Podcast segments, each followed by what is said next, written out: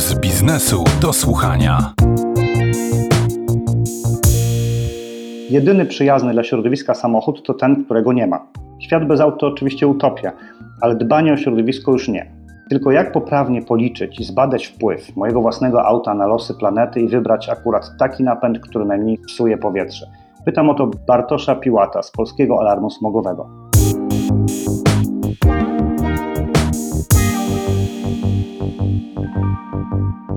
To jest troszeczkę tak, jak próbie oceny, ile kosztuje jeżdżenie samochodem w ogóle. Bo niektórzy mówią, że no, bilet miejski kosztuje tyle, a mnie wychodzi taniej, kiedy przyjadę samochodem, bo płacę tyle, a tyle za paliwo, tak? A z drugiej strony pojawiają się ludzie, którzy mówią, no tak, tak, ale samochód trzeba było kupić, ubezpieczyć, naprawić, etc., więc to nie jest jedyny koszt. I troszeczkę tak jest również w ocenie wpływu pojazdów na środowisko. Pytanie, na czym się skupiamy i musimy pamiętać o tym, że kij ma zawsze drugi koniec, a w przypadku transportu i w przypadku pojazdów, szczególnie indywidualnych, tych końców tego kija jest dużo, dużo więcej niż byśmy przypuszczali. Powiedzmy, uszeregujmy pojazdy w trzech grupach. Spalinowe, napędzane elektrycznie i pojazdy, których nie ma. Więc e, te pojazdy, których nie ma, albo zmniejszanie liczby pojazdów, to jest oczywiście najfajniejszy sposób wpływania pozytywnego na jakość powietrza, na zmniejszanie ilości emisji dwutlenku węgla i tak. Mówiąc krótko, zacznijmy od tej skrajności. Punktem startu jest brak auta w ogóle. No ale wiadomo, że bez samochodu w ogóle obyć się nie da i mówię to poważnie jako przedstawiciel Polskiego Alarmu Smogowego. Tak, bez samochodu obyć się nie da. Nawet w mieście część podróży musi być samochodem wykonywana. No więc drugim krokiem jest sprawienie, żeby to, co wydobywa się z rur wydechowych samochodów spalinowych, zniknęło. Czyli mówiąc krótko, mamy do czynienia z próbą przesiadki na pojazdy bezemisyjne, ogólnie rzecz ujmując silnikami elektrycznymi. Ja nie będę stawał po stronie tych, którzy dzisiaj próbują przewidzieć, czy to napęd bateryjny, czy produkcja prądu za pomocą ogniwa wodorowego jest przyszłością bo nie mam takich kompetencji, żeby potrafić przeliczyć to, jakie to będzie miało korzyści dla gospodarki lub negatywne wpływy dla gospodarki, a jednocześnie jak mówię o gospodarce, to mówię też o środowisku, dlatego że to, co opłacalne jest gospodarczo, jest również opłacalne dla środowiska i odwrotnie. Jeżeli dzisiaj mówimy o zagrożeniach dla klimatu, o globalnym ociepleniu, to to jest zagrożenie dla gospodarki. Mówimy o tym dlatego, że ocieplenie klimatu bardzo silnie odbije się na naszej gospodarce, na tym, jak żyjemy, ile energii zużyjemy i tak dalej. I z tego samego powodu, jak mówimy o wpływie samochodu na środowisko, to nie mówimy tylko o tym, czy on jeździ i w którym miejscu zanieczyszcza, czy zanieczyszcza z rury wydechowej na ulicy, czy zanieczyszcza komina elektrowni, czy też nie zanieczyszcza, i tu pozornie nie zanieczyszcza, bo prąd pochodzi na przykład z fotowoltaiki czy z wiatraków, ale wszystkie te rzeczy po drodze gdzieś były produkowane. I ten ślad, tak zwany ślad węglowy, który za tym idzie, ale nie tylko ślad węglowy, bo też koszty ekonomiczne, to jest wszystko to, co się składa na koszty funkcjonowania pojazdu na ulicy. O znacznej części z tych rzeczy oczywiście statystyczne Jan Kowalski czy Janina Nowak nie wiedzą, no bo skąd też mają wiedzieć? Tu niestety poziom decyzji jest w grupie naukowców, w grupie decydentów politycznych, tych, którzy mówiąc krótko projektują polityki rozwoju. Wcześniej, jeszcze przed nagraniem, przywołał Pan bardzo ciekawy przykład autobusów elektrycznych i tego, że taka elektryfikacja na siłę, szczególnie w miastach, czy te obowiązki, które nakłada ustawa na samorządy, to wcale niekoniecznie musi być dobre rozwiązanie. Tak, oczywiście. To jest e, cała skomplikowana logistyka, która stoi za wymianą, nazwijmy to, naszych pojazdów ze spalinowych na elektryczne. I to, o czym Pan wspomniał, to jest przykład pokazujący, że nadmierna presja, tak to nazwijmy, i nadmierna ingerencja w rynek może doprowadzić do negatywnych konsekwencji, mimo że teoretycznie promuje pojazdy bezemisyjne. W przypadku bardzo, bardzo przewidywalnej branży, jaką jest transport zbiorowy w miastach, bardzo przewidywalnej w tym sensie, że dokładnie wiemy, ile mamy pojazdów, ile chcemy zamówić pojazdów w następnych latach, ile one przyjadą kilometrów, wszystko jesteśmy w stanie zaplanować. I w tym momencie mam e, takie poczucie ja przy szacunkowych e, ocenach i przedstawiciele branży również mają jeszcze dokładniejsze szacunki, pokazujące, że presja, jaką chce nasze Ministerstwo Klimatu w Polsce wywrzeć na przewoźników miejskich lub w ogóle na wszystkie instytucje komunalne, może doprowadzić do tego, że w 2028, 2027, a może w 2030 roku będziemy złomowali w pełni sprawne autobusy z silnikami diesla. Tymi najnowszymi silnikami diesla które jeśli są oczywiście dobrze utrzymane, a miejscy przewoźnicy robią to naprawdę dobrze, o czym mogę za chwilkę opowiedzieć, jeśli one są dobrze utrzymane, to naprawdę emitują bardzo, bardzo mało, czy to zanieczyszczeń, czy dwutlenku węgla, tak? Znaczy, mówiąc krótko, nie warto może wylewać dziecko z kąpielą i zastanowić się, gdzie jest realny koszt i realna korzyść dla środowiska, bo nie spodziewam się, żeby złomowanie sprawnych pojazdów było korzystne dla środowiska, ani korzystne dla gospodarki, w tym przypadku dla budżetu samorządowego. I podobnie może być z pojazdami indywidualnymi, tak? Znaczy nadmierne ograniczenie ruchu samochodów, w tym przypadku w miastach, tak, bo one tam są największym problemem.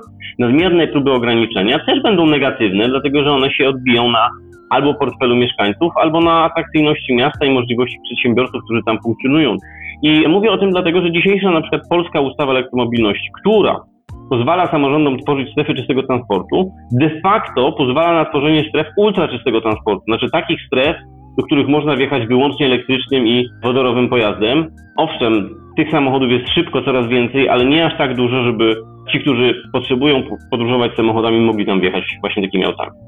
Bo do tego kosztu ekologicznego wykorzystania samochodów w transporcie miejskim o napędzie czysto elektrycznym zaliczył też Pan konieczność e, przebudowania lub e, udoskonalenia infrastruktury drogowej. To też chyba trzeba liczyć jako ten ślad, który idzie za takim pojazdem. Tak, zgadza się. Jak mówiłem o produkcji samochodu, to w przypadku na przykład samochodu spalinowego mówimy o stacjach benzynowych. To jest coś, co dzisiaj się wydaje takie oczywiste, prawda? Wszędzie są stacje benzynowe, nawet jak się dziwimy, jeżeli jedziemy tam kilkanaście czy kilkadziesiąt kilometrów, jej nie widać ale 100 lat temu właśnie gęstość stacji benzynowych była jedną z podstawowych barier rozwoju mobilności wtedy samochodowej. Dzisiaj tak samo jest z samochodami elektrycznymi. Barierą są punkty ładowania, ale mało kto zdaje sobie sprawę z tego, że to znowu jest wielkie przedsięwzięcie logistyczne. To nie jest tylko wybudowanie ładowarki, bo do tej ładowarki trzeba doprowadzić prąd to prąd nie byle jaki. Tak? Z tego samego powodu, kiedy mówiliśmy wcześniej o nadmiernej presji na przewoźników miejskich, jeśli chodzi o wyposażanie się w autobusy elektryczne, no to właśnie kolejnym problemem jest to, że w miastach dużych nie jest łatwo znaleźć punkt, w którym można autobus naładować. Czyli punkt, w którym mamy sieć doprowadzającą odpowiednią ilość prądu. Nie każda zajezdnia autobusowa jest w takim miejscu. W Warszawie na przykład punkty ładowania są w przedziwnych teoretycznie punktach. Jeden, dajmy na to, w pobliżu stadionu Polonii. Jest tam prąd między innymi dlatego, że kiedyś, kiedyś w tym rejonie była pętla trolejbusów i mówiąc krótko, uzbrojenie i sieć pozostałych gdzieś w pobliżu. Więc to są takie paradoksy, które sprawiają, że to wszystko jest jedną wielką machiną, w której trzeba myśleć o wszystkich rzeczach, które mogą mieć wpływ na środowisko. I na koniec pytanie, czy my w ogóle potrzebujemy aż tyle energii i czy my w ogóle potrzebujemy aż tyle jeździć. Czy potrzebujemy aż tyle tej energii zużywać, bo wrócę do początku. Najlepiej by było, jakbyśmy część podróży indywidualnych po prostu zlikwidowali. Właśnie, czyli dochodzimy do takiego punktu, w którym odpowiedź na pytanie, co jest najlepsze dla klimatu, brzmi przestać poruszać się samochodami. To oczywiście utopia, ale e, już tak podsumowując, jakie rozwiązanie w organizacji mobilności, ale też e, po części naszego życia byłoby z Pana punktu widzenia i z punktu widzenia tego, czym się Pan zajmuje, najbardziej korzystne? Mówiłem o tej utopii, jak Pan wspomniał, e, nie dlatego, że w nią wierzę, bo tak jak też ja później powiedziałem, absolutnie jest to niemożliwe, żeby zrezygnować z samochodu, ale powiedziałem o tym dlatego, że zawsze dobrze spojrzeć na pewne skrajne sytuacje. I z jednej strony skrajną sytuacją mamy miejsce, w którym w ogóle nie ma aut, w tym autobusów miejskich na przykład, a z drugiej strony skrajną sytuacją jest to, kiedy wszyscy poruszamy się samochodami wszędzie. I jedno i drugie jest po prostu fizycznie niemożliwe. Ale Patrząc na to w ten sposób, ja rozumiem przynajmniej rzeczywistość transportową tak, żeby liczba podróży była jak najmniejsza, to po pierwsze. Po drugie, żeby jeśli już mają się odbywać, odbywały się albo środkiem, który ma jak najmniejszy wpływ na otoczenie, zacznijmy od poruszania się pieszo, później być może rowerem, tak? ale wiadomo, że to wszystko ma swoje ograniczenia. Dla człowieka najważniejszy jest czas, kiedy podróżuje, więc najpierw te nogi, później może rower. Jest też transport zbiorowy dla tych, którzy mogą sobie zaplanować podróż po mieście, prawda? Bo to nie jest tak, że losowo mając cele w ciągu dnia jesteśmy w stanie wszystko załatwić transportem zbiorowym. W pewnym momencie niestety dużo bardziej użytecznym środkiem jest samochód. I to jest taka hierarchia ważności, którą niby dzisiaj mamy w głowach. Niby każdy z nas to wie, ale brakuje determinacji, czy to po stronie samorządowców, czy po stronie polityków e, na poziomie centralnym, czy wreszcie po naszej prywatnej, obywatelskiej stronie. Brakuje determinacji, żeby uderzyć się w pierś i powiedzieć sobie, że nadmiernie korzystamy z samochodu, tak? Że to jest jakby nasze poczucie wygody bardzo często wygrywa z tym, co jest zdrowym rozsądkiem i z tym, co jest dobre dla nas i dla środowiska. I e, żeby to opisać e, jedną taką anegdotką. Mniej podróży samochodem naprawdę jest bardzo ważne. Jeśli byśmy wrócili do stanu, czy wrócili, jeśli byśmy mieli w miastach stan taki wakacyjny, kiedy nie ma na ulicach 20%, nawet 30% samochodów, które normalnie w ciągu roku, w listopadzie, w marcu jeżdżą po ulicach miast, to każdy kierowca generalnie wie i czuje, że w wakacje jeździ się całkiem spoko. W wakacje jest ruch naprawdę taki akceptowalny. No i teraz pomyślmy sobie, że zniknęło tylko 20% samochodów. Czyli jedna na pięć podróży zaledwie się nie odbywa. Tylko jeden na pięć kierowców wystarczy, żeby nie jeździł codziennie. To nie jest strasznie dużo. To pokazuje, że my musimy dużo popracować nad sobą, żeby ograniczyć podróże. A jeszcze lepiej, oczywiście, jak będzie nas stać na to, żeby jeździć samochodami, które nie mają rury wydechowej. To by było w ogóle super. Najlepiej to też, gdybyśmy jeździli wyłącznie pojazdami szynowymi, bo one i zużywają najmniej energii i tak. Więc jest pewna hierarchia ważności. My w tym momencie środek ciężkości mamy zbyt blisko samochodu i to jest nasz podstawowy problem. Z tego, co Pan mówi, rysuje się taki obraz, że ta przyszłość mobilności będzie elektryczna, bo to jest w tej chwili najskuteczniejszy sposób na zmniejszanie naszego wpływu, czy wpływu naszego życia na to, co się dzieje z planetą, ale będzie też polegała na przemodelowaniu naszego życia. Jak tu takie przykłady użyję innego, być może on jest dobry, jak nie, to mnie Pan zaraz poprawi. Segregowanie śmieci, które wymaga od nas zaangażowania, oczywiście na dużo mniejszą skalę, jednak musimy poświęcić na to czas i to jest powiedzmy trudniejsze zadanie niż po prostu rzucanie wszystkiego do jednego worka, no ale po prostu nie ma innego wyjścia. Rozumiem, że tak samo musimy przejść taką ewolucję wewnętrzną w tym, w jaki sposób wykorzystujemy pojazdy. Tak, znaczy ta sama zasada, którą mamy w gospodarce odpadami. Po angielsku, bo fajnie, bo są trzy R. Reduce, reuse, recycle. Ogranicz, y, wykorzystaj ponownie i przetwórz. No to tę samą zasadę tak naprawdę chcemy zastosować, myśląc o dobrym systemie transportowym. Najpierw w ogóle zróbmy tak, żebyśmy nie czuli potrzeby podróżowania na duże odległości, tak żeby piesza podróż była tą podstawową.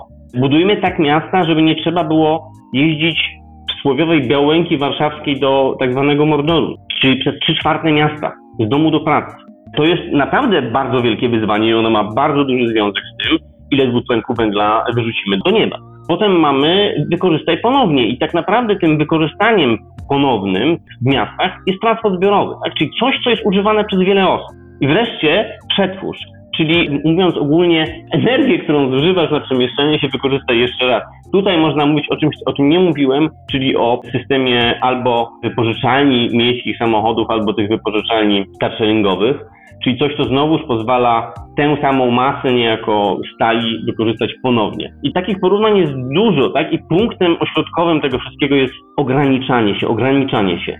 Dzisiaj siedzimy, ja przynajmniej czuję bardzo wysoką temperaturę, siedzę w mieszkaniu, które jest dość mocno nagrane w środku, więc muszę się wachlować. Ja nie używam klimatyzacji, nie dlatego, że jestem taki super oszczędny, po prostu mam problemy z zatokami. Mnóstwo ludzi w tym momencie używa klimatyzacji i zużywa gigantyczne ilości energii. Teraz pytanie, czy ograniczenie zużycia tej energii byłoby możliwe, więc ja odpowiadam od razu oczywiście, że tak byłoby możliwe, gdybyśmy na przykład budowali domy z takim zamysłem, żeby one nie nagrzewały się w środku. I na to nie trzeba specjalnych odkrywczych rozwiązań. Takie rozwiązania istnieją od 2-3 tysięcy lat. Mówimy oczywiście o różnego rodzaju roletach, żaluzjach, wszystkim, co jest przed oknem i co rzuca cień albo zaciemnia pomieszczenia. Więc wbrew pozorom my nie potrzebujemy super nowych technologii do wszystkiego. Bardzo często potrzebujemy się po prostu ograniczyć i zastanowić nad tym, czy my naprawdę potrzebujemy tego wszystkiego, co mamy, bo auto jest super. Auto jest doskonałym wynalazkiem, ale mam takie wrażenie, że często go nadużywamy. Panie Bartoszu, bardzo dziękuję za rozmowę. Życzę chłodnej bryzy i do usłyszenia następnym razem. Ja bardzo lubię taką pogodę. Mówię to zupełnie poważnie. Po prostu wystarczy się trochę w życiu nie spieszyć. I o tym też chyba trochę powinniśmy pamiętać, kiedy mówimy o transporcie. Państwa i moim gościem był Bartosz Piłat z Polskiego Alarmu Smogowego.